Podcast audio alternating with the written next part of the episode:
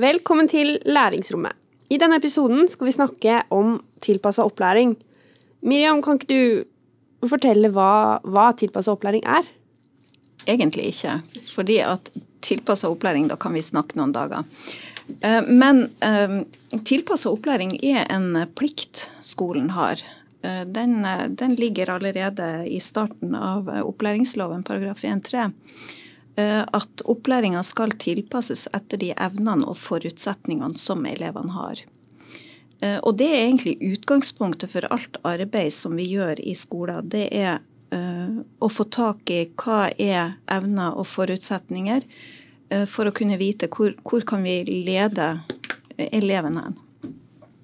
Eh, og, eh, og, da handler det jo om å, å, tenke differensiering til det mangfoldet vi har i skolen. Altså både differensiering organisatorisk i forhold til hvordan skolen legges opp, men også pedagogisk. Altså det som skjer i den enkelte læringssituasjonen. Så det er vel det korteste jeg klarer å forklare det, tror jeg, Karianne. Men eh, eh, vi har jo da valgt tilpassa opplæring som et av de eh, temaordene som bokserien Inkluderende skolemiljø skal, eh, skal dreie seg om. Og det er jo fordi at tilpassa opplæring er så sentralt for å kunne oppnå et inkluderende skolemiljø. Ehm, jeg vet ikke, Anne Mette, Har du noen andre tanker om hva tilpassa opplæring skal være, når man ser sånn stort på det? Jeg er helt eh, enig med deg i at man kunne snakke veldig lenge om tilpassa opplæring. Fordi at det omhandler så mange ting. Men det er jo viktig å påpeke, sånn som du har gjort, at det står i opplæringsloven om det. Så det er veldig eh, sentralt i skolens virksomhet. da. Eh, som dere har hørt på andre episoder, så er jo jeg veldig opptatt av det didaktiske eller det praktiske arbeidet i klasserommet. Og hvordan kan man da, ettersom det står i opplæringsloven at opplæring skal tilpasses eh, hvert enkelt barn, så, så, er det også greit å tenke på hva kan man gjøre rent praktisk for å få det til. Mm. Og da er det jo selvfølgelig igjen en eh, diskusjon man kan ha over lang tid om de forskjellige eh, enkeltbarn man møter i skolen. Um, sånn at det vil være forskjellig i forhold til barnets behov.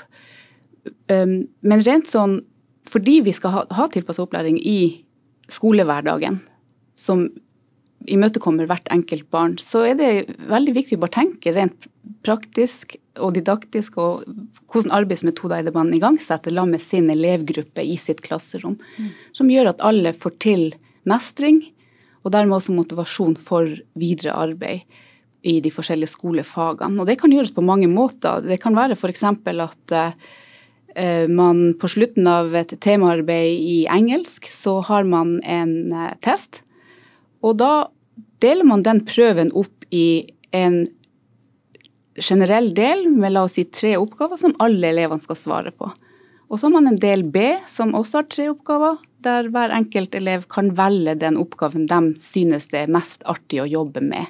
Og det er et helt sånn mm, veldig enkelt og kanskje litt for enkelt eksempel, men det er en tilpasning i praksisfeltet i, i klasserommet for å møte enkelteleven. Da. Mm. Fordi at Med tilpassa opplæring så tenker vi ikke nødvendigvis eh, det enkelte individet. Altså nå skal vi tilpasse for A, B, C og D av elever, men, men vi kan godt tenke litt romsligere på det.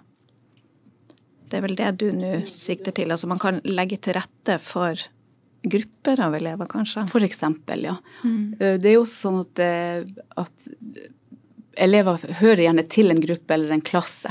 Og så er det å tenke gjennom hvordan kan du legge til rette for tilpassa opplæring innenfor det gruppefellesskapet i, mm i, ja, i det fellesskapet du skal prøve å skape i den gruppa av elever. Mm. Ja, og der, der, har du jo på en måte en sånn smal forståelse av tilpassa opplæring. Altså det, det, som den enkelte lærer gjør uh, ned i, uh, i, klasserommet og i læringsrommet. Uh, men så har du jo også en, en bredere forståelse av det i forhold til hvilke holdninger har vi til det, hvordan er personalets felles forståelse Altså, er, er det her forankra mm. i skolen som helhet? Um, selvfølgelig, altså det, det, mange lærere spør seg, er jo den her Ja, men hvordan gjør vi det? Eh, men jeg tror det er vel så viktig å løfte det et nivå opp og tenke at man, man må ha en, en, dyp forståelse for hva både hva tilpassa opplæring er, og også hvorfor vi gjør det. Um, ja. Man snakker vel om en kultur for tilpassa opplæring for hele skolen. Mm. Sånn at det er helt fra rektornivå ned på, til det laveste er, er altså at alle går inn for det med liv og lyst og får det til. Mm. Ja, det er forankra i ledelsen, ja. som du sier. Mm. Og at man da får kanskje en uh, felles visjon på den skolen mm. i forhold til det arbeidet som gjøres. Sånn sett så handler jo kanskje tilpassa opplæring også om læringskultur, og ikke mm. minst om motivasjon.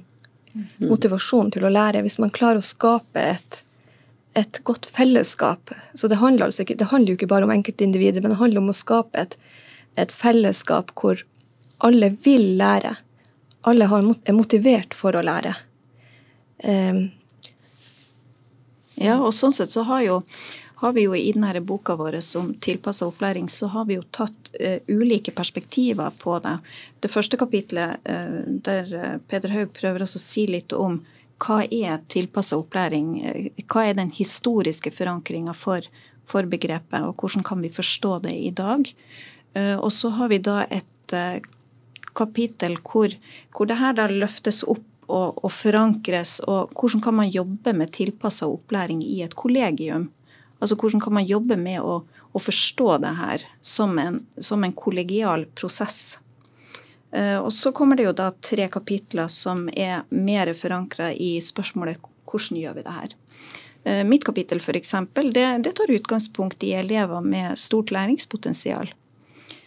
Fordi at de har jo, eller skolen har den samme plikten overfor den elevgruppa som de har overfor alle andre elevgrupper i skolen til å tilpasse opplæringa.